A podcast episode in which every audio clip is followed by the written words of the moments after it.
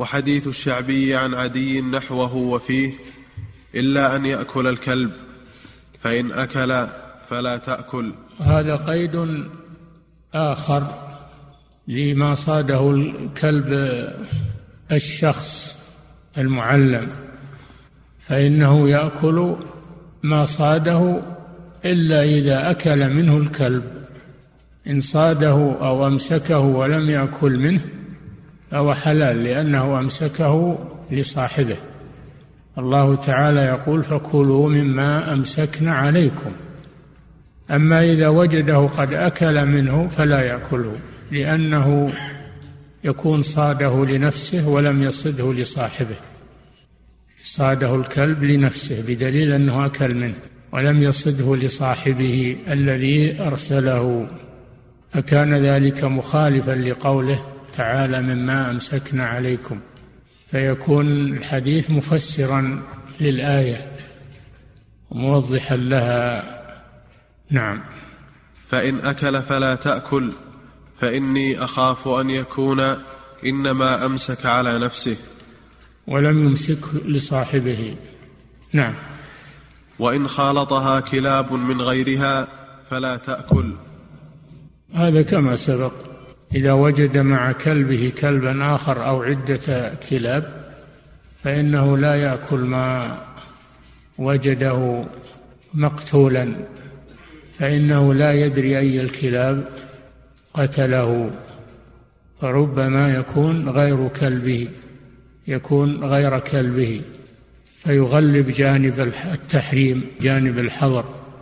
والأصوليون يقولون إذا تعارض حظر وإباحة فإنه يغلب جانب الحظر احتياطا للذمة وابتعادا عن الحرام. ودليل هذا الأصل مثل هذا الحديث. نعم.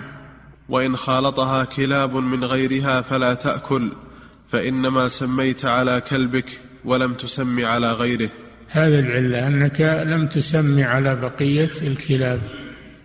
والله جل وعلا يقول فكلوا مما أمسكن عليكم واذكروا اسم الله عليه.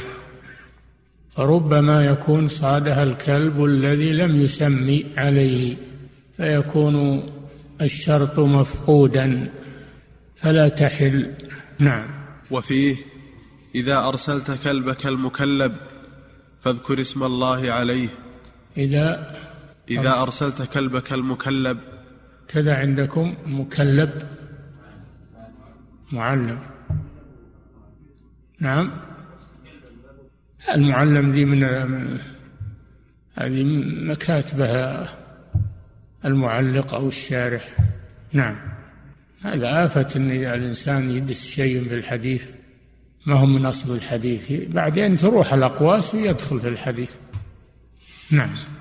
إذا أرسلت كلبك المكلب فاذكر اسم الله عليه. المكلب هو المعلم. حاجة إلى كتابته هو المعلم. مكلبين يعني معلمين. نعم. فإن أمسك عليك فأدركته حيا فاذبح وإن أدركته قد قتل ولم يأكل منه قد قتل. وإن أدركته قد قتل ولم يأكل منه فكله فإن أخذ الكلب ذكاته هذا يؤكد ما سبق من أن ما أصابه الكلب المعلم ومات بإصابته له فإنه حلال. أكلوا مما أمسكنا عليكم فإنه حلال. نعم. وفيه أيضا إذا رميت بسهمك فاذكر اسم الله عليه. نعم كما سبق. إذا أرسلت المعراض وذكرت اسم الله عليه. نعم. وفيه وإن غاب عنك يوما أو يومين. وفي رواية اليومين والثلاثة فلم تجد فيه إلا أثر سهمك فكل إن شئت. نعم هذا فيما إذا لم يجد الصيد في الحال بل تأخر العثور عليه تأخر العثور على الصيد. فهذا ينظر فإن كان فيه أثر سهمه أكل منه وإن لم ير فيه أثرا لسهمه فإنه لا يأكل منه.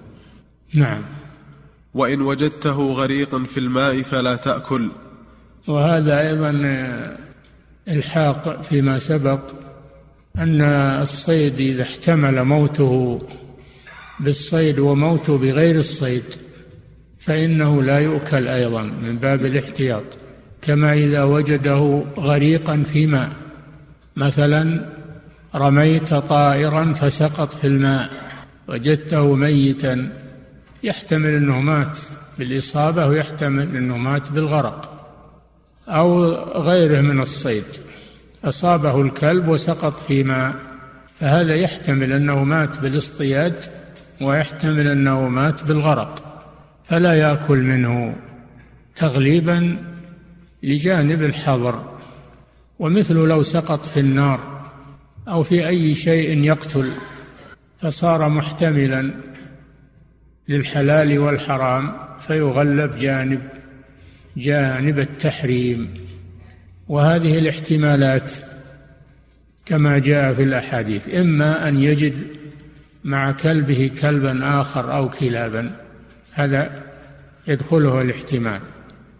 ثانيا إذا وجده متاخرا ووجد فيه اثار سهام غير سهمة فلا يأكل منه لأنه لا يدري بأي الإصابات مات.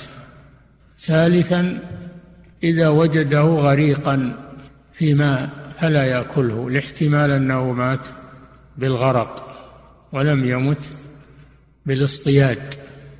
فكل هذه الاحتمالات تجعل الإنسان يبتعد عن هذا الصيد تغليبا لجانب الحظر.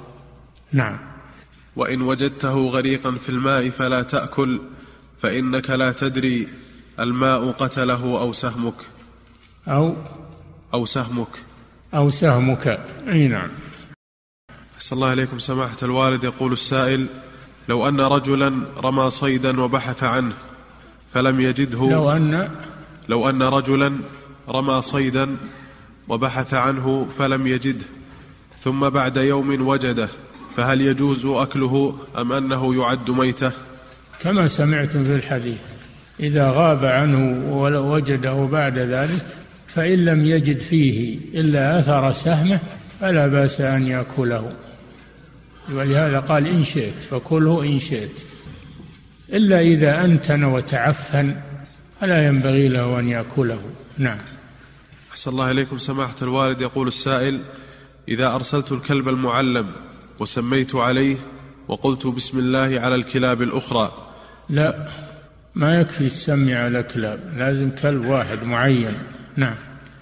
يقول أحسن الله إليكم فهل يحل هذا الصيد إن أمسكنا مع كلبي المعلم؟ لا لا. تسمي على كلاب الناس ما يصلح. على كلبك فقط. أما كلاب الناس ما هي بلك تسمي عليها. نعم.